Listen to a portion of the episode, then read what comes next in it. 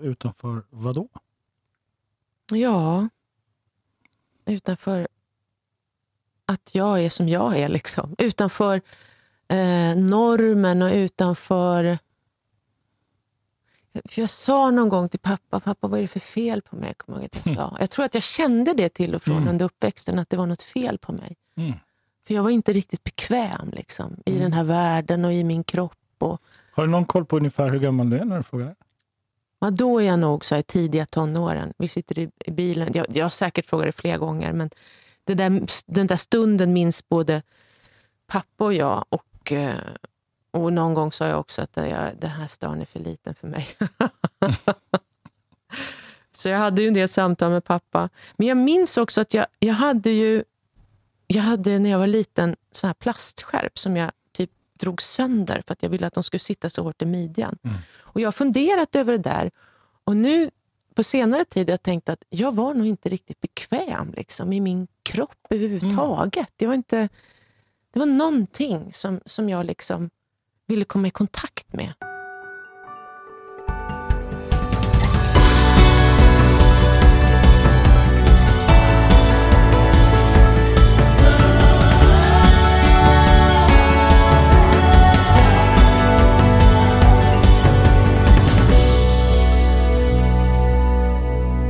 En kompis som är skidåkare. Ja. Ja, Mm. Jag har gjort något fullständigt vansinnigt dumt här.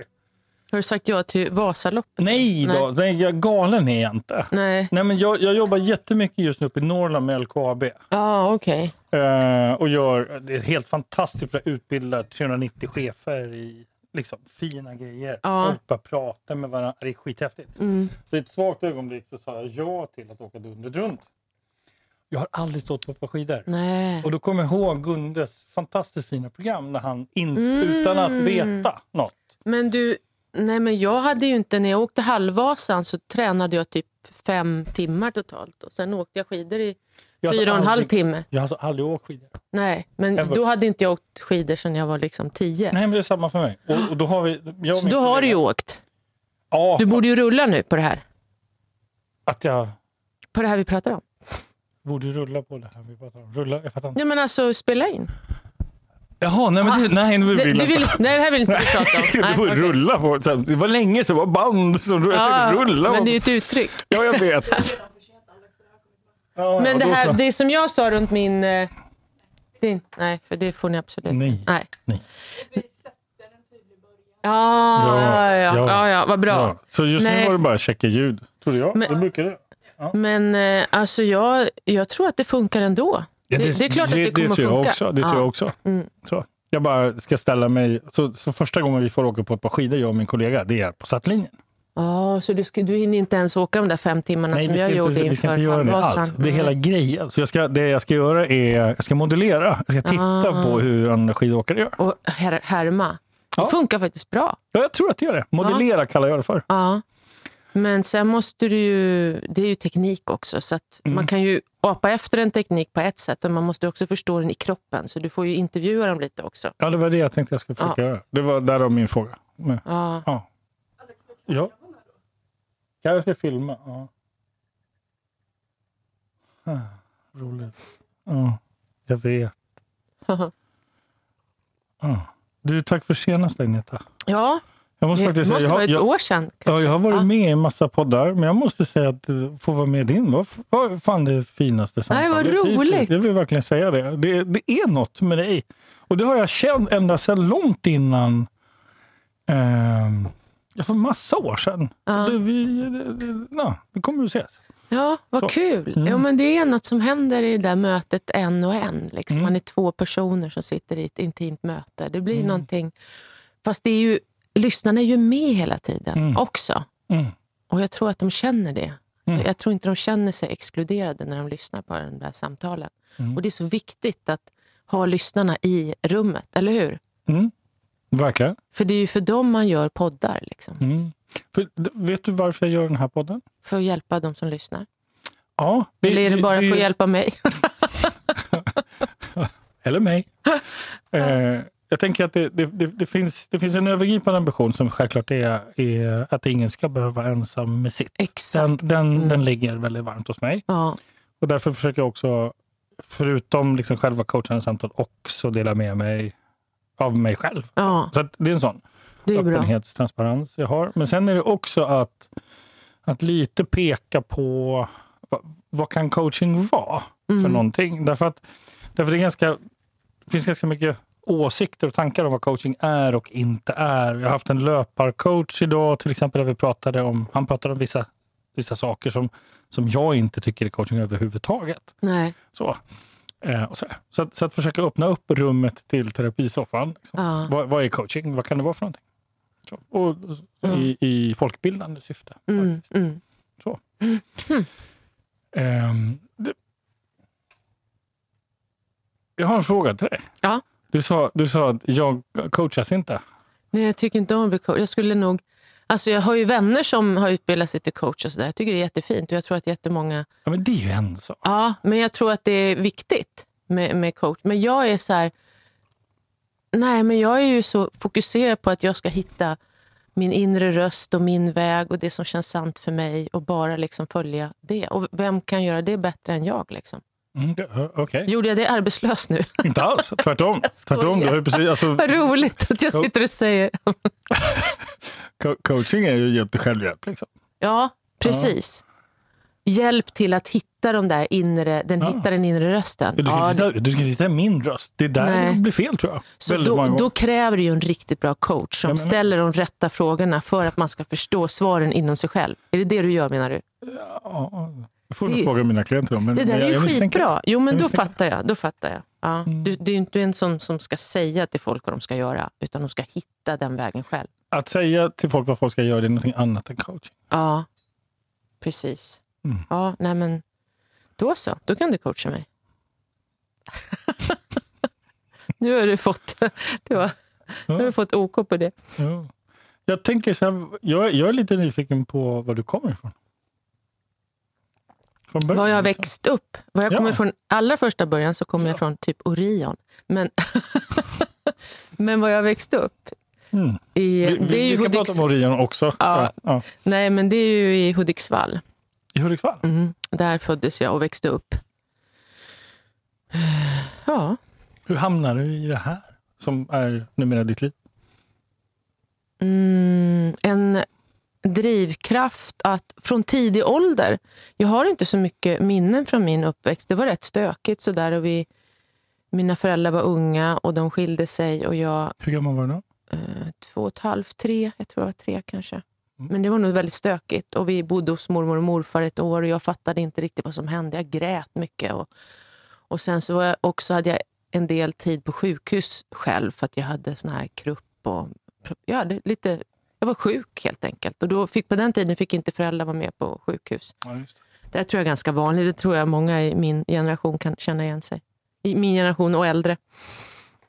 Men så att... Eh, ja, men jag, jag minns, vissa saker minns jag ju ändå tydligt. Så att jag, jag vet att jag tidigt hade någon sorts... Det fanns en par saker som var med mig tidigt. Det var den här eh, att jag ville bli skådespelerska. Jag tyckte om att agera. Jag tyckte nog om att få den här uppmärksamheten och bekräftelsen. Jag, jag tror att det var där någonstans att jag fick en bekräftelse. Och sen var det det här att jag ville tjäna ett högre syfte. För Det minns jag när jag bad kvällsbön. Att jag ofta Mm. bad om att jag ville på något sätt vilja tjäna ett högre syfte. Så de där två sakerna följde ju med mig. Och min livliga fantasi. Jag läste Tolkien tidigt. Jag tyckte om mystiken och det här oförklarliga och allt det där. Jag skulle kunna säga att det är de bitarna som följde med mig. Jag tror att tolken har varit en livräddning för många barn. Eller hur? För många barn som behöver få vandra fritt. Ja, som, ja eller hur? Mm. Och som behöver få känna att det finns något mer Mm. Än bara den världen vi springer runt i här. Det Exakt. finns något mer, något större. Mm. Visst är det vackert? Ja, Visst är det en ja. sån otrolig tröst? Mm. Det- det- Jag misstänker att det är samma funktion som Bibeln kan ha för en del. Ja. Mm, På något sätt. faktiskt. Ja. Ehm, du, du sa um, två och ett halvt skiljer sig och sen det här, bli skådespelare, uppmärksamhet, bekräftelse. Jag tänker det är två olika saker. Vad, vad tänker du N- när du säger uppmärksamhet, vad menar du med det? Att jag, jag ville väl på något vis... eh, Jag antar att det handlar om att få stå i centrum och bli sedd och bli omtyckt på något vis. Det, det, här, nu tolkar jag fritt. Mm, ja, vad ska vi annars göra? Att se mitt lilla barn och någon sorts längtan efter att få bli sedd och älskad. Och... För Mm. den, den längtan föddes nog där i allt det där vilsna och stökiga. Mm. Och så försök- syskon? Ja, en, eh, jag har ju en hel syster, då, en stora syster. Och Mm. eh, sen har jag ju halvsyskon sen, senare i livet. Men hon, hon och jag följdes ju åt då Mm. i uppväxten. Var hamnade du då? Alltså, när, när ni skiljer er? Är det liksom varannan vecka? Ja, fast varannan helg var vi hos pappa. Så vi var ju mest hos mamma. Och så var vi hos pappa varannan helg. Han var egen företagare med en sån stor skogsmaskin och jobbade mycket. Och, du vet, man hade såna här stämplingar som det heter. Man ska avverka ett visst antal träd på en viss tid och forsla ut till vägen och sådär. Eh, Så att eh, då var vi varannan helg hos pappa. Och jag vet att då jobb, han jobbade ju även då på, på helgerna. Och ibland var jag med i skogen. Mm. Pappa blev ju min liksom hjälte på något vis. Han var ju den där äh, som jag, jag ville vara med. Liksom. Han var känslosam och fin. Vi, vi är nog rätt lika i sättet, pappa och jag. Mm. Eh, med, han är, har ju en tro också, även om våra trosuppfattningar kanske skiljer sig lite åt. Så finns det ändå liksom frön av igenkänningsfaktorer i. i liksom. Mm. Fast man kanske har lite olika språk, men det är lite samma källa ändå, tror jag. För, eh, och, eh, och sen var han också väldigt mycket kontakt med sina känslor på ett sätt som lite känslosam sådär mer som, som jag är också. Så där, jag tror att vi kände igen varandra. I, vi kände igen oss i varandra. Mm. Eh, skådespelaren då? Mm. Var kom den ifrån? För jag, jag, Jo, men det tror jag. Pappa ville nog bli rocksångare. Han, han vann någon tävling en gång där han skulle, man skulle imitera Elvis Presley, kommer jag ihåg. Och då vann han den där tävlingen. Det var rätt mycket pengar. Och för de pengarna så köpte han då en, en häst. Mm. Det där var ju så länge sedan då. Det var ju innan han var stor och köpte en skogsmaskin. Men då, hade han en, då jobbade man med häst i skogen. just, Eh, och mamma hon ville bli skådis och är en jäkligt bra, alltså hon är jäkligt bra på scen min mamma. Väldigt rolig och sådär. Hon har barn och ungdomsteatergrupper i Hudiksvall fortfarande. mm. Eh, och är, liksom, jobbar ideellt med det. Så att jag tror hon hade den skådespelardrömmen. Så att jag hade ju två kreativa föräldrar. Eh, som aldrig egentligen satte några gränser för mig vad jag skulle göra. De har aldrig styrt mig på det sättet. Mm. När, när, när du Jag tror inte jag gick att styra heller i och för sig. Nej, jag tänkte, den tänkte jag också. Men ja, du, har ju, du kan så mycket, Agneta. Jag tänker också det här, hur, hur skulle du beskriva liksom, två och ett halvt åringens upplevelse av... Helt eh, vilsen tror jag. Okej. På vilket sätt? Jag har besökt henne några gånger och det har Mm. varit ganska tufft. Eh, nu senast så var det inte lika tufft, för då, då, men, men det har varit tufft att möta det där ansiktet av det här ledsna och vilsna barnet som jag tydligt ser inte riktigt vet vad som händer. Mm. Eh, och, eh, och i början när jag skulle göra de där eh, övningarna så tyckte jag bara att det var jobbigt, för det gjorde ont i mig. Det gjorde Mm. ont i mig. Tills jag började förstå att nej, jag kan inte överge det där barnet. Jag kan ju liksom Ah. inte undvika den där lilla tjejen. Mm. Jag måste, hon måste ju få vara med. Hon behöver bli sedd. Hon behöver bli sedd. så att då har det gått lite lättare och nu är hon nu är hon inte ledsen på det sättet. Nu är det som att hon har liksom fått komma in i tryggheten i vad som är jag. Liksom. Att hon Mm. får vara med mig på ett annat sätt. Mm. Nu är det mitt vuxna jag ibland som kan känna mig lite vilsen. Och, nej, men mer att jag står i en sorts brytpunkt i livet. Vad, fortsätter jag nu? Vad fortsätter jag nu någonstans? Nu har jag ju hållit på med det här i... Nu har jag jobbat med tv här i 32 år. Är det något som podden betyder mycket för mig och allt det jag gör där och människorna jag möter där? Är det, står jag inför en brytpunkt? Är det något som kommer att förändras? Lite, lite så. En dotter som flyttar Mm. till USA. Det är också liksom... Jag går ju verkligen in i en ny fas på Mm. både på väldigt många plan känner jag. Mm. Mm. Och besöker Orion titt som tätt. Vi ska komma till det. Det är min tröst. Ja, precis. Universum är en min ny tröst. tillflyktsort. Ja. Jag, jag, brytpunkt. Vi ska dit. Ja. Jag, jag, tänker så här, jag, jag är också nyfiken på ett uttryck till och det, det är uttrycket bekräftelse. Vad lägger du i det? Ja, jag lägg, vad jag lägger i det är, så, så som jag eh, tittar på mig själv utifrån och mina tidiga år. Jag lägger i att där försöker jag på något vis fylla någonting inom mig själv. Jag försöker hitta utanför mig själv det som ska hjälpa mig att, att känna mig, eh, må, att må bra och känna mig trygg. Försöker hitta, och jag tror att det är där bekräftelsen kommer in. Det ska hjälpa mig på något vis att känna att jag får Alltså, att någonting att jag får- utifrån ska hjälpa Ja, men mig. att jag får vara med. Jag får vara med, jag, jag, jag blir sedd och eh, omtyckt. Jag är inte utanför. Så att jag tror att bekräftelsen på något sätt ska få mig att känna det. Att det det den ska bli. liksom. Att det inte är... Att inte jag är utanför. Tror jag. Det är det. Det är jag nyfiken på. Utanför vad då? Ja, utanför att jag är som jag är. liksom. Utanför eh, normen och utanför... För jag sa någon gång till pappa, pappa vad är det för fel på mig? Jag, kommer ihåg att jag, sa. jag tror att jag kände det till och från Mm. under uppväxten, att det var något fel på mig. Mm. För jag var inte riktigt bekväm liksom, i den här världen och i min kropp. Och, Har du någon koll på ungefär hur gammal du är när du frågar det? Ja, då är jag nog så här, tidiga tonåren. Vi sitter i, i bilen. Jag, jag har säkert frågat det flera gånger, men det där, den där stunden minns både pappa och jag. Och, eh, och någon gång sa jag också att jag, den här stan är för liten för mig. så jag hade ju en del samtal med pappa. Men jag minns också att jag, jag hade ju jag hade när jag var liten sån här plastskärp som jag typ drog sönder för att jag ville att de skulle sitta så hårt i midjan. Och Jag har funderat över det där och nu på senare tid har jag tänkt att jag var nog inte riktigt bekväm liksom, i min kropp överhuvudtaget. Det, var inte, det var någonting som, som jag liksom ville komma i kontakt med. Ja, jag kan inte förklara det här. Och du gjorde ju precis det. Gjorde jag? Ja. Då så, bra. Alltså. Eh, mm. Så, så vad svarade pappa på frågan, är, är det något fel med mig? Nej, det är klart han sa att det inte var något fel på mig. Mm. Men jag tror att Trodde många... du på honom? Ja, alltså trodde på honom. Det, det är ju ingen som kan liksom...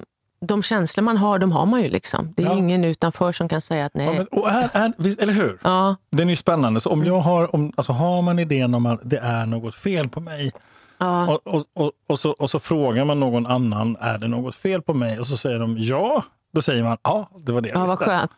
Det var det jag visste. Och säger de nej, då säger man ah, Ja. inte riktigt du känner mig. Va? nej, Den är intressant. Ja, den är intressant. Men jag tänker också att, att många känner så här. Mhm. Många känner så. Jag tror också att många, för att jag kan känna mig väldigt ensam emellanåt i den värld jag lever, även om jag har otroligt många fina vänner och sådär. Men jag tror att alla känner sig ensamma på något vis. Jag Eh. tänker att vi är ensamma. Eller hur? Det är liksom så. Jag tänker på om Salvatore man- Quasimodos. Liksom, Ja. var och en står ensam ja. på jordens hjärta livnädd av en solstråle. Plötsligt Jo, för att även om afton. du har en familj eller du vet en partner, även Mm. de här sakerna, så tror jag att vi känner oss lite vilsna vi människor och ensamma. Mhm. Och så tror alla som känner sig ensamma att de är ensamma och känner sig ensamma. Åh, den brukar jag säga. Jaså? Mm. Man kan inte vara ensam och vara ensam. Nej. Nej. Men eh, jag tycker den här... Jag vill bara backa lite, Mm. nu, nu när vi flög ut universum igen. Då, tillbaka hit. Då tänker jag just den här, om jag nu är rädd för... Alltså om jag, eller så här, om jag har en, en stark drivkraft hos Mm. mig själv att inte vara utanför. Mm. Om jag då ställer frågan, är det något fel på mig?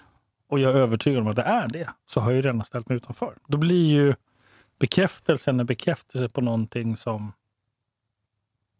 Mm, jag tycker den är intressant. Mm. Och då blir det kanske livet också ett sökande. Mm. Men jag tänker, är det sant? Vilket då? Att man, alltså, Att det är något fel på mig? ja, ja, dels den, Mm. och sen också är man utanför. Nej, alltså, nej, det är ju inte sant. att det Jag är ju den jag är. Liksom. Alla är ju de de är. Ja, jag tänker att det är en stark drivkraft. Alltså, Om jag är rädd för att inte få vara med Mm. så kommer jag med automatik söka efter bekräftelse som, som stärker Ja. rädslan. Mm. Att jag Men inte är med. Exakt, men det intressanta är hur jag ändå i livet har ställt mig utanför. Att jag har gjort val. Jag har varit i grupperingar, jag har varit i saker. Mm. Och ändå har jag fortsatt att liksom göra val där jag ställer mig själv utanför de här grupperingarna. Ja, för den är ju sann. För Ja. en människa som är rädd för att stå utanför. Mm. Då söker man ju med automatik efter det som bekräftar att jag är utanför. Fast samtidigt så är jag väldigt glad att jag har gjort de valen. För hade jag inte gjort de valen så hade jag varit kvar i det. Då hade jag inte varit där jag är nu. Exakt. Med mina böcker och min podd och med allt det. Då hade jag Ja. kanske varit kvar i någonting som fått mig att Så att jag, gick, jag ställde mig utanför för att jag behövde, kände att jag behövde må bättre. Så att det... Mm, Mm. ja. Och det är en lång vandring kan jag ändå se. Jag, jag ser den här äh, vandringen som jag har gjort från att jag började den inre resan. Det är en ganska lång och försiktig vandring Mm. som nu jag inser att nej, men jag måste våga gå all in i det som jag känner är jag. Jag kan inte vara så här försiktig. Det kan Mm. jag känna. Och podden var ju ett steg i den riktningen. Och även den här, de här specialavsnitten utomjordiskt som Mm. är då en del av Så in i själen men som är bara ett avsnitt sista torsdagen varje månad. Det är ju för att Micke, va? Va? Ja, Micke från. Forntida astronauter och jag Mm. sitter och, och pratar om. Det är ju min passion. Det är ju Mm. liksom någonting som har intresserat mig i väldigt många år. Mm. Och som vissa känner till. Och det är också sådär, jag måste, men jag, när jag skulle ta steget och göra det lilla extra. För han hade varit gäst i min podd då. Men när jag skulle ta steget och göra det här utomjordiskt så våndades jag ändå en del. Mm. Men så kände jag att ja, fast de som himlade åt, med ögonen åt mig för 24 år sedan, typ, när jag började liksom min inre resa och tyckte att jag var liksom, ja, vad konstig hon är. Eh, de, de, kom, de tycker redan det liksom, i sådana fall. Så jag, jag menar, jag, jag måste bara våga gå Våga den. vad då? Ja, men våga stå i det att vissa människor kommer tycka att jag är lite knäpp. Eh, du sa så här förut. Jag Mm. ställde mig utanför för jag behövde må bättre. Mm. Jag bara repeterar den meningen. Ja. Tänk om det är så att ett sätt för dig att må bättre, vara i din sanning, veta vem du är, vad Mm. du är, är att, är, är att stå utanför. Mm. Eller åtminstone att stå med dem som, som brinner för samma saker som jag. Mm. Och, och det, de finns ju där. liksom. Men, men grejen är att det, den värld jag har jobbat i, eh, där är ju inte alla, hela, hela den branschen är ju inte riktigt där jag är. liksom eh, Där jag kommer ifrån med Mm. underhållnings-tv och sådär. Det är ju något annat. Det är en annan värld. Det är ju en ganska... Tv-branschen kan ju vara väldigt cynisk. liksom. Jo tack. Ja. Och, så att jag har nog, du vet, jag sitter ju i mellan de här världarna lite grann också. Eh, och, och, hur ska jag förklara det? Det är också ganska garanterat sätt att vara utanför. Ja, Liksom, att om du vill vara i- tv. ja, för vill du vara i den branschen, vill du liksom nagla dig fast och försäkra dig om att du ska ha en massa jobb och produktioner, det ska hända så. Och nu har ju jag rätt mycket tv-jobb, men liksom, vill du liksom, då måste man hålla fortet lite grann. Man måste umgås med... Hålla med fortet, vad roligt du är. Ja, ja, det tänkte jag inte ens på. Nej. Eh, Nej, men då måste man ju umgås med, i de här kretsarna. Man måste liksom, du vet, man måste vara med. Är det fortfarande så? Ja, men lite så är det Jag fortfarande. har inte det ändrats?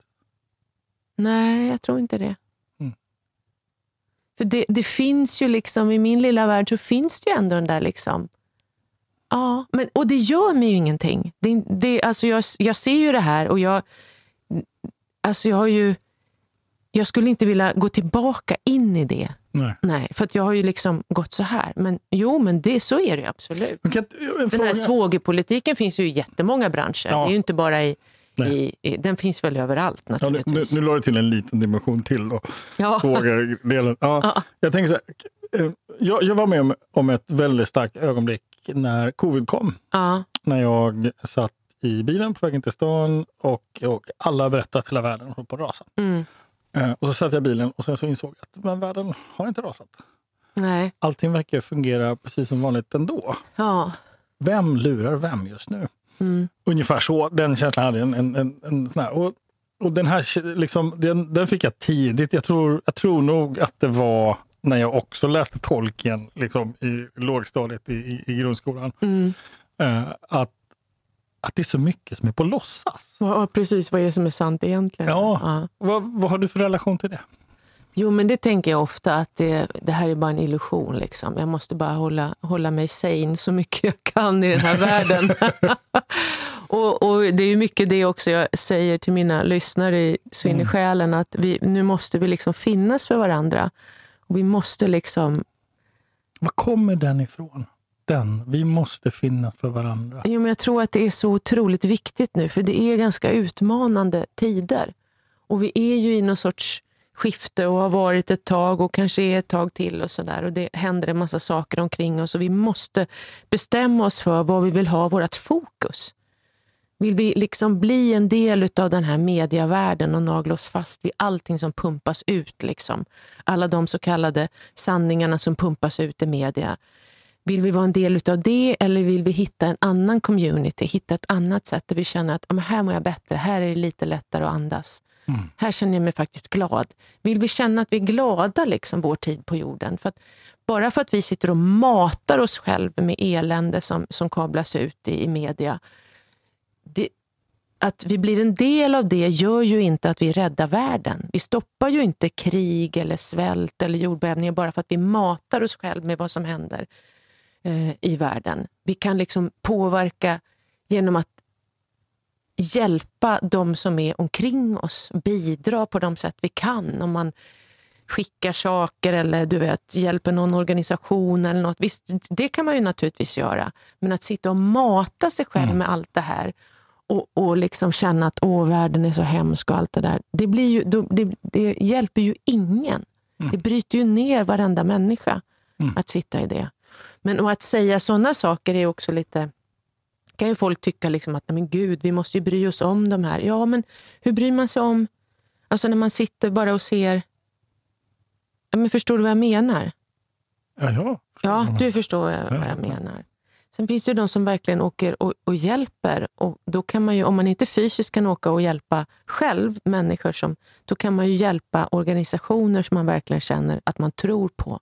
De här hjälper. Det kan man ju göra. Det finns ju mycket sånt man kan göra, men inte mata sig själv med det här. För det, det blir väldigt tunga mm. energier att gå runt i. Hur hjälper du dig själv? Ja, hur hjälper jag mig själv? Ja, men jag, jag, jag kanske ser...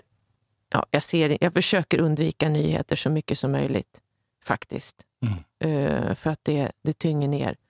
Jag försöker sysselsätta mig på andra sätt. och... Uh, hålla min energi eh, så mycket som möjligt uppe. Liksom. Att hålla den så, så ljus och bra som möjligt. Och så tänker jag att jag försöker vara en del i att sprida det mm. så mycket jag kan i, i böcker eller poddformat. Eller ja, på något sätt hjälpa människor att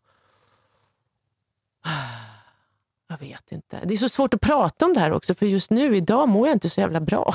Nej. jag, jag, jag är jättetunga energier. Men är inte det bra det? Vadå? Att också må dåligt? Jo, jo. Ja. Absolut. Jag, jag bara... Jo, men och det gör jag ju ibland. Och då, då det försöker gör, det jag bara... vi alla. Ja, och då är jag sådär... Då försöker jag bara verkligen vara i den känslan. Mm. Att inte fly ifrån den. Och... Eh, jag försöker vara i den känslan och där befinner jag mig just nu. Så att, och Då blir det också så svårt att prata om sådana här saker. För att? Jag hittar inte orden att formulera mig, för jag känner mig mest trött. Okay. Mm. för det tar på krafterna och inte... Det tar på krafterna att vara i vissa energier. Mm. De tar... Uh, om man känner sig ledsen i systemet eller någonting, om det är något som påverkar en, då tar det lite på krafterna. Jag känner mig lite trött. Ja, jag, tänk, jag tänker att är det inte så att det som tar på orken Ja. är att man är ledsen egentligen. Ja, exakt. Och det som tar på orken är att sitta och låtsas som att man inte är ledsen. Ja, precis. Ja, Så är det ju. ja Mm. så eh, Mm. då kan jag berätta att då är vi två. Jaha, är du också? Ja, lite, lite så. Lite tyngd idag. Mm, Så. mm. Jag, och jag, jag, jag är lite nyfiken på din två och ett halvt-åring. Jag kan inte låta bli. Ah, okej. Eh, för du sa, eh, du sa också brytpunkt. Liksom. Du har jobbat Mm. med det här i 32 år. Ehm, och, och jag jag tänkte så att den här två och ett halvt-åringen, om Mm. hon... En två och ett halvt-åring är inte så verbal, men om vi säger tre och ett halvt. En Mm. tre och ett halvt-åring som liksom har ett års skilsmässa i ryggen och pappa hjälteskogen. Ja, men så här. Mm. Vad skulle hon berätta för dig idag? Om din brytpunkt? Vad skulle hon berätta för mig om min brytpunkt? Det känns som hon mest bara vill kramas. Mm.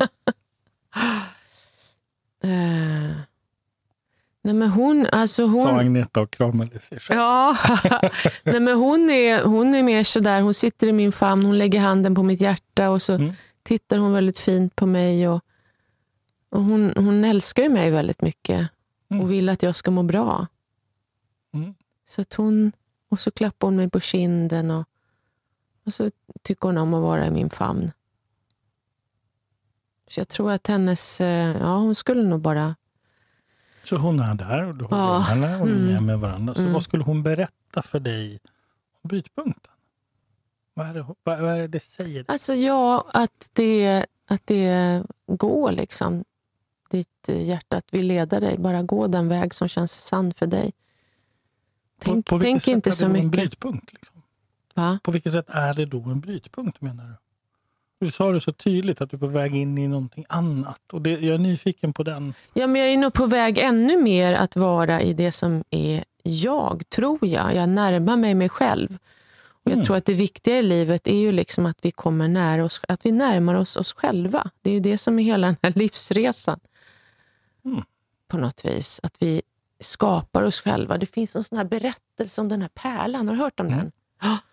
Och då är ju eh, den här berättelsen om pärlan är ju då att det finns den här pärlan i djupet av ett hav som ingen vet. Ingen har sett, inte ens Gud har sett den här pärlan. Och eh, man dyker, man kastar sig ner i djupet och dyker efter den här pärlan. Eh, Och, och, och genom de här dyken ner i mörkret och djupet och, och alla dessa år av att söka efter den här pärlan så skapas pärlan. Du kanske kan lägga till om jag säger något fel här. Nej, men, Men den skapas ju genom vår resa, i våran, våran liksom tredimensionella dualistiska resa genom livet av liksom glädje och sorg, rätt och fel och, och, och allt möjligt. Hur vi nu Mm. delar upp. Att Men- vi, ska uppleva, vi ska uppleva den här resan för att förfina liksom det som är vi. Mm. Och det är väl... jag, tänkte, jag tänkte på det, det som Kung Fu Panda. Ja, jag älskar Kung Fu. Panda. Ja, precis. Men det finns ingen hemlig ingrediens. Nej, exakt. Mm. Utan vi... Ja, komma nära, komma nära det som är jag. Liksom. Mm. Att vara i min sanning så mycket som möjligt. Vad betyder det? Att vara i sin sanning så mycket som möjligt. Vad betyder det för dig, Agneta? Ja, skulle jag, ha, skulle jag lyssna på mig själv idag så skulle jag ha Mm. sagt att jag kommer inte in för jag orkar inte. Sorry. Mm. Och så hade jag varit kvar hemma eller tagit en promenad. Det, det var- är där jag befinner mig idag. Men så är det ju också en del i mig som är, har lovat någonting och vill vara schysst och som kommer in och sitter här och spelar in en podd med dig. Mm. Eh, så att, då kan, ju, kan man ju slitas. Liksom. För Mm. jag är ju sådär, har jag lovat något då vill jag ju hålla det. Liksom. Mm. Och det uppskattar jag. Ja. Men, Eh, men, vi träffades ju i din podd Mm. sedan och sen så har jag, jag försökt locka hit dig några gånger tidigare. mm, Och om jag får återkoppla en upplevelse jag har, Ja. så vi träffades, det, det är att du håller på med något. ja. Det, det är någonting du håller på och sliter med, Mm. jobbar med. Eh, Jag följer dig på Insta lite och, och med, med, med utsikter och, och norrsken och, Mm, och liksom så från Nacka strand, eller vad det nu är. ja. Ja. Mm, Och, ehm, ehm, Och jag blir nyfiken på det. Vad är det för process? Vad är det för någonting du håller på att slita med? Och då, och då tänker jag inte det som vi har pratat om, Mm, som, som vi pausar idag. mm.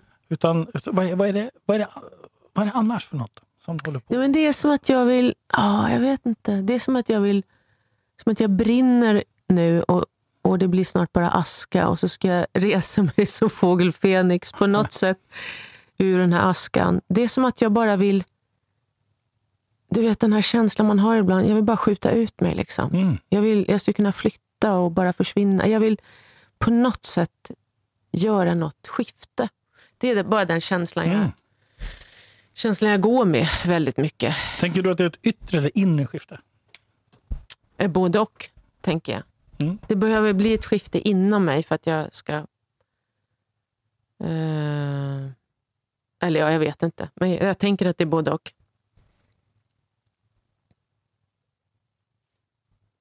Från vad till vad? Jo, men alltså, ja, nu vill jag ju mest bara känna lite mer glädje.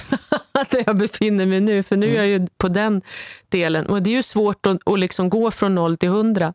Så då får jag liksom försöka bara stå ut med att vara i det här. Liksom. Bearbeta den här processen som pågår och inte fly ifrån den. Utan nu, nu är jag här Mm. och accepterar Jag, jag, det. jag tänker det är ju livet. Det är ju livet. Ja. Ja. Men, och jag, den här, det jag noterar att du håller på att jobba med är Ja. någonting som ligger utöver det. Liksom det, det, det, det som är... Du, du, beskriver vardagen. Liksom. Just nu Ja. är det knepigt. Och Ja. Fine. Mm. Så, men det är någonting du håller på och liksom, jobbar med. Och jag är nyfiken på vad det är för någonting. ja, men det känns som att jag håller på att riva murar lite grann. Okej. Bli lite mer... Sänka garden. Mm. bli lite mer, komma lite mer ut i livet. Våga bjuda in, våga ta in människor på ett annat sätt. Jag skydd, har skyddat mig väldigt mycket och jag kanske fortfarande. Eh, så att jag tror att det, jag håller på skalar av. Mm. Men också sätta gränser naturligtvis. Ja, det var det jag hörde. Eh, Att det är ha- nya gränser. Ja, Stämmer Att det? det finns, ja, men att det finns den här självrespekten finns där. Att det, kärleken är att jag blir mer tydlig i vem jag är. Mm.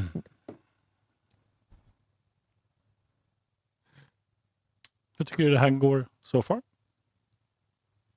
Jo, men jag tycker att det går bra. Men, och det är ju det här jag är i. Liksom. Mm. Och det är svårt att, nästan svårt att svara och prata om vissa saker eftersom jag är mitt i det. Och det är väldigt otydligt för mig hur det ska yttra sig Mm. på något sätt. För du är ganska lugn. Ja, Som man brukar vara i stormens öga. ja.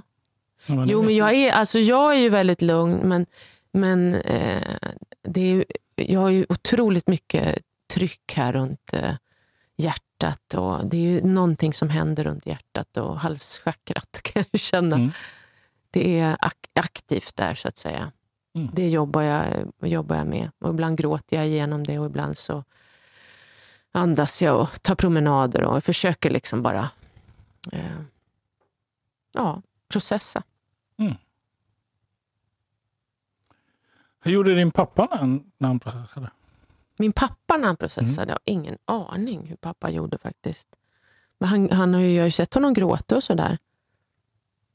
Och sen så ber ju han eh, nu på, han var ju kanske, ja det kanske han gjorde när han var yngre också, men han ber ju väldigt mycket.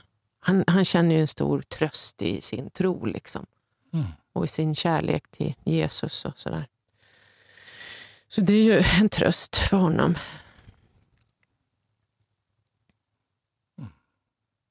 Jag är, så, jag är svår att prata med idag, eller hur? Nej, inte alls. inte alls. Jag, jag, jag, hör, jag, hör, jag noterar ganska mycket just nu. Ja. Ehm, Det är också, eh, det är också något jag vill vårda. Liksom. Mm. Eh, jag vill ju vårda den här processen i mig eftersom jag inte vet vad det är. Och, eh, och det är en kärlek till mig själv att vårda det. Så då blir det ju också att man kan inte släppa in folk hur som helst i det heller. Varför inte det? Därför att den är min. liksom. Är min... Hade jag suttit här med dig, då hade det varit en annan sak. Men nu sitter ju Mm. folk och lyssnar. Så då, Mm. det är ju också eh, kärlek till mig själv. Att jag där jag befinner mig nu måste jag också omfamna mig själv väldigt mycket, Mm. känner jag. Jag tänker det, det är i, i en, en stor tacksamhet jag har i den här podden, det är ju, det är att, att väldigt många människor delar med sig Mm. av, av liksom sin resa. Mm. Och jag menar, jag, jag känner ju samma sak just nu när du delar. Att, att, att vad många det är där ute, tänker jag, som också bör få höra att man kanske inte har några svar. Nej. Att det faktiskt är otydligt. Ja, det är det ju verkligen. Ja, och att det får vara det. Ja. Och, och, och, att, och att det kanske är en del av en process. Att, Ja. man, att ibland så handlar det om att man inte måste ha svar på precis Nej. allting, utan man får också gråta i det eller skratta Mm, åt mm. det. Se de här vardagliga sakerna komma och gå och sen att Mm. man på något sätt väljer, väl, väljer att leva ändå Mm. och väljer att förhålla sig till det Mm. och, och vara i det som pågår. Jag tänker att den är... Den, den är jag, jag, jag tänker det hör ihop med det du beskrev, det här med, med, med liksom den, yt, den ytliga världen. Mm. Där vi alltid ska ha svar på precis allting. En Ja. bild i sociala medier ska vara en rubrik och det ska stå exakt vad det betyder. Men tänk om jag inte vet? Tänk, Mm. tänk om jag ba- bara... Det är Nej, kaos. exakt. Och, det, och att det får vara det. Ja, det är sant. Det har du helt rätt i. Jag har fan inga svar. Nej, men, och, det, och så är det ju ibland i livet. Ja. Och, då, och att acceptera det gör ju, och, och förstå också någonstans att jag kommer att få svar. Det kommer, det kommer att bli tydligt, men inte just nu. Just. Men det, när det är menat och när det, det blir ju tydligt under, under vägens gång så att säga. Mm. För det måste ju bli tydligt någon gång. och sen så blir det grumligt igen och så blir det tydligt och så blir det grumligt och så blir det tydligt. Eh, Du sa det här, det här med liksom, eh, integritet, släppa in... Jag är nyfiken på den. På, vad är det att släppa in någon? Men jag är ju väldigt transparent och öppen. Det är jag ju verkligen. Och, och är i, det sant? Ja, det är sant. I min podd är jag ju betydligt mer transparent än vad jag är i, i en intervju i en tidning eller något. Så det, jag tycker att jag emellanåt bjuder mycket på mig själv. Men jag har ju också behov, tror jag, någonstans att när jag inte har svar då, som nu, som vi kom fram till att Mm. så kan det ju vara ibland, att inte att inte försöka sätta ord på det. Att inte försöka ge svar bara för att Mm. jag sitter här och, och du pratar. Att, inte, att inte tillfredsställa det, för att jag vet inte riktigt hur jag ska göra det. Nej, varför ska jag tillfredsställa det för? Nej, men, ja, men det är väl en yrkesskada någonstans. När man blir intervjuad måste man tillfredsställa publiken med någon sorts svar. Helst vill jag krypa upp och lägga mig på, den här, på det här bordet med den här sköna sammetsduken. Jag, jag känner mig rätt liten och sårbar. Mm. Så att jag, jag tror att jag är, är i den... Jag är det. Jag vill helst bara krypa ihop och få vara liten. Mm. Och, det- Så och, där. Sådär. och jag vet inte, och där är jag just nu. Så jag har inga riktiga svar att ge. Vad skönt. Ja, Att få vara liten. får jag gå hem och lägga mig nu? Ja. Um, jag har egentligen en sista fråga. Så ska du få gå hem och lägga dig. Nej, oj. Jo då. Nej men gud. Eh, Du får fråga vad du vill. det gör jag. Mm. Eh, du sa tjäna ett högre syfte, sa du förut. Mm. Det var så här, bli skådespelare, eh, uppmärksamhet och bekräftelse. Så där. Sen sa du eh, att, att tjäna ett högre syfte. Mm. Att den kom tidigt för dig. Ja, det var intressant. Det, Ja. det var bara en sån stark känsla att jag på något sätt ville att mitt liv skulle få, mm, få betydelse eh, För andra eller dig? för andra. Att Mm. jag, att jag, ja, jag fattar inte var det kommer ifrån riktigt. Men jag, och jag gör ju det nu. Jag gör ju det nu som jag ville göra då. Men, och jag har ju verkligen dykt mycket efter den där pärlan. Mm. för att förstå livet själv. Eh, och, och ganska självdestruktivt kan jag tycka i mitt sökande. Framförallt när det kommer till relationer och, Och när jag var yngre, man, du vet, jättemånga olika killar och hade sex, du vet, fast jag absolut inte ville det emellanåt. Så det blev ju, det där sökandet blev ju emellanåt väldigt självdestruktivt. Eh, Va, mm, och, och sen så blev, lugnade det ner sig och sen började jag min inre resa. Och, och det lugnade ner sig och, och den var ju också rätt tuff. Alltså, för den, den blev ju... Att, att börja den här resan med att nå in i sig själv och förstå vem man är, det gör ju också att det kan kännas otroligt ensamt. Så att jag blev ju mer ensam då när jag började den resan. Eh, men den resan har ju också haft sin betydelse för att nu då, 24-ish år, 25 nästan år senare, så kan jag ju sitta i en podd och då bottnar jag ju i en väldig massa saker för att jag har gjort den där resan själv. Mm. Det hade jag, ju, liksom. ja, jag hade inte kunnat gjort det annars. Eh, och, så att jag förstår, jag kan ju se tillbaka eh, på det. Men eh, ja. Men det är precis som du säger. Och så vissa dagar så är det liksom, jag fick, och det händer inte ofta att jag, så att jag är nog i en väldigt, liksom, jag är nog i ett otroligt stort skifte. Men jag jobbar ju också väldigt med djupa processer nu tillsammans med en person också. Så att, eh, och, då, och då tror jag att mycket kommer upp till ytan. Mm. Så att jag, jag gråter en hel del i vissa perioder, vissa dagar och sitter i de här känslorna. Och det är ganska tufft. I måndags fick jag ställa in ett möte för jag, jag pallade liksom inte. Mm. Och det var, ett, det, det var ett möte som var okej att ställa in. Liksom. Det här var inte lika okej att ställa in eftersom jag, ni, det var ju bokat. Liksom. Eh, men då försöker jag ändå vara i de här situationerna utan att fly från känslan. Ikväll är också en grej som jag inte känner är okej att ställa in. Och Jag känner att jag, jag gör de där sakerna, men jag, behöver, jag kan göra det i, i... Jag kan vara lugn i det. Jag, kan, jag behöver inte fly från känslan, jag behöver inte lägga på någon mask. Jag kan bara vara i någon sorts lugn i det här. Tänk om det är så enkelt att du inte längre behöver spela någon roll. Ja, exakt. Behöver inte vara skådespelare Nej. längre. Jag behöver inte vara skådespelare längre. Och, och, jag, och det jag tycker att det är skönt. Jag, jag tycker det är skönt att jag, jag behöver inte prestera. Jag behöver inte underhålla. Jag behöver inte vara duktig. Det tyckte jag var skönt när jag var med i det här Kompani Svan med Gunde. Mm. När jag bara kände att jag orkar inte det här. Mm. Nej, jag orkar verkligen inte det här. Och jag skjuter ut med det programmet. Och jag har alltid varit den här som ska liksom fixa allt och vara så... Och jag säger det då i slutet att åh, nej, men jag känner att jag, jag behöver kapitulera. Jag pallar inte det här. Jag orkar inte. Mm. Och det var så skönt att säga det. Vad föredömligt. tänker Ja, ja det har typ aldrig hänt. Nej. Jag pallar inte. Bli skådespelare, få uppmärksamhet, bekräftelse, tjäna ett högre syfte. Och vad jag hör dig säga nu, Ja, det är att det är dags att sluta spela. Liksom vara Ja. skådespelare. jag behöver inte Du det. behöver inte längre det. Är behö- det är inte viktigt för mig att vara populär eller framgångsrik i andras ögon. Det känns inte, det känns inte viktigt. Förut var med andra människors... Det var viktigt, liksom. Men jag orkar fan inte. Mm. Nej, jag orkar fan inte. Mm. Ursäkta att jag svär, men jag orkar fan inte bry mig det heller. Ja, skönt.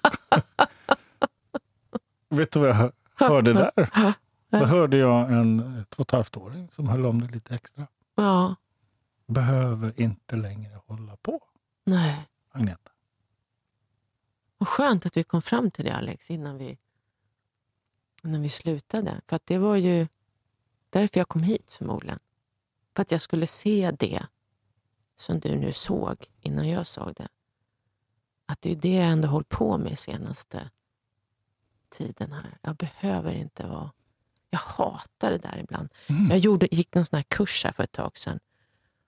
Och jag höll på att kräkas för man skulle göra så mycket jobb runt den där. Jag ska, behöver inte säga vad det är. Mm.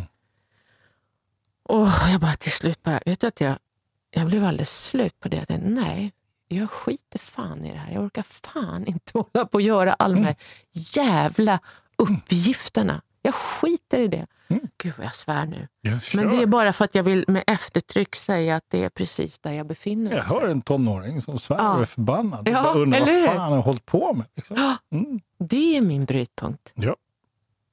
Där har vi det. Ja. High five på det. Det är fan där jag är. liksom. ja. Dags att bli vuxen. Dags att bli vuxen. Jesus. Gud vad mycket jag fick att tänka på nu. Nu Mm. måste jag stanna upp det här lite.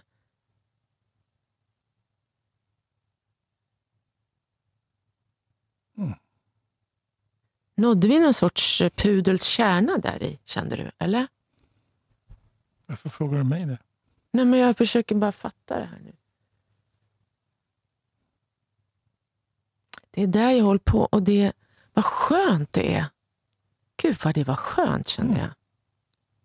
Jag behöver inte hålla på längre.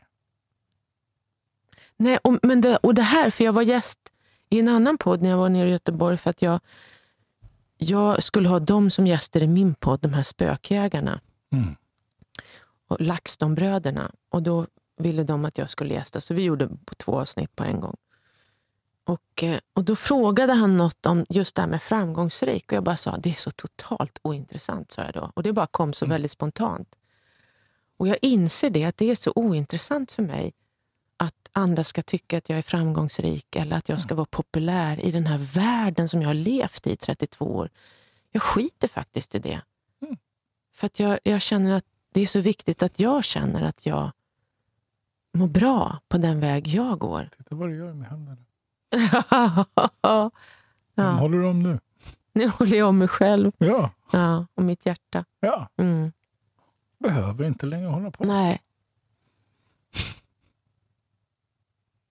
Fasiken vad skönt. Bra. Hoppas att det där inspirerar någon som lyssnade nu. Jag hoppas verkligen. Jag hoppas det inspirerade dig. Ja, det mig inspirerar det verkligen. Då så. Men det roliga är ju om det inspirerar fler. Mm. Eller hur? Agneta, vad tar du med dig efter idag? Ja, jag tar med mig att det blev, att det blev lite mer glasklart. Det här. Mm. Det här som, den här processen jag är i nu, den är skitjobbig kan jag säga. Den är, det, är inte, det var inte så att du liksom, åh shit, nu var det löst. Mm-mm. för den är jättejobbig. Men du, jag, det blev väldigt tydligt för mig vad den handlar om Mm. och vad jag är i. Och det är ju också någonting som jag tycker är väldigt vackert och som jag älskar. Mm. Så att jag, det är ju det är ett födelseögonblick på något vis. Och det gör ju ont att födas. Eh, Det är ju smärtsamt att ta sig igenom det där och sen är det ljust och kallt och du vet när man kommer ut och man börjar skrika. Och Du så hamnar där. Ja, jag, hamnade, ja, men jag såg födelseprocessen framför mig. Nej, men så det är ju både eh, fantastiskt och eh, smärtsamt på samma gång. Ja, och, och jag tänker, jag, jag, jag ska dela det. Jag förlorade eh, flera vänner i en flygolycka för massa, massa år sedan. Mm. Och, ehm, och min lillebror valde att lämna oss. Det var jättelänge sedan. Och då, det var i ett ögonblick när jag... Det, var, det var för outhärdligt att vara Alexander. För Mm. outhärdligt att leva det här livet. Så jag, jag tappade det. Jag föll i depression. Och så, Mm. så jag hamnade hos en psykolog. ehm, och, så, och, så, och så satt jag och så pratade jag. Och så sa jag just, just det här, jag vet inte vad jag känner. Jag vet inte vad det är. Jag vet inte vad det handlar om. Mm. Och så sa han, titta så tydligt det blev. Jaha, och vad hände då i dig när han sa så? Att det får vara det. Ah, Jag måste inte ha allt klart. nej. Utan det är en process och det är okej. Ja. Och den har följt med mig sedan dess. Det här var ju liksom 30 år sedan. Och, jag, Mm. och att, att, att, att liksom höra dig berätta om, om din resa. Vi har ju varit hos tolken, vi har varit i skogen med din pappa, vi har träffat Mm. din liksom, skilsmässan och hur det... Ja, men liksom, och just, just den här liksom erfarenheten 32 år in i den här branschen som du har varit i. Att, nej, men, du kanske börjar bli klar med någonting Mm. eh, som, som du inte längre behöver. Mm. Och, och, vilka ord det är på det. Mm. Mm. Så. Mm. Jag är så oerhört tacksam nu till dig för att du fick mig att se det där lite mer tydligt. Det, det blir lättare att vara i processen Mm. nu, känner jag. Det går ju inte över, för processen är ju viktig. Mm, Vet du vad coola är? Men det blev lugnare. Mm, Bra. Men vet du vad coola är? Nej. Du är inte ensam om det. Nej. Det blev plötsligt eh, meningsfullt Fint. att vara i processen. Kanske till och med är del av ett högre syfte. Det är en del av ett högre syfte. Det finns syfte Mm. i den, liksom, Oj. i processen. Ja, det gör ju alla processer. Ah, skönt. Gud vad skönt.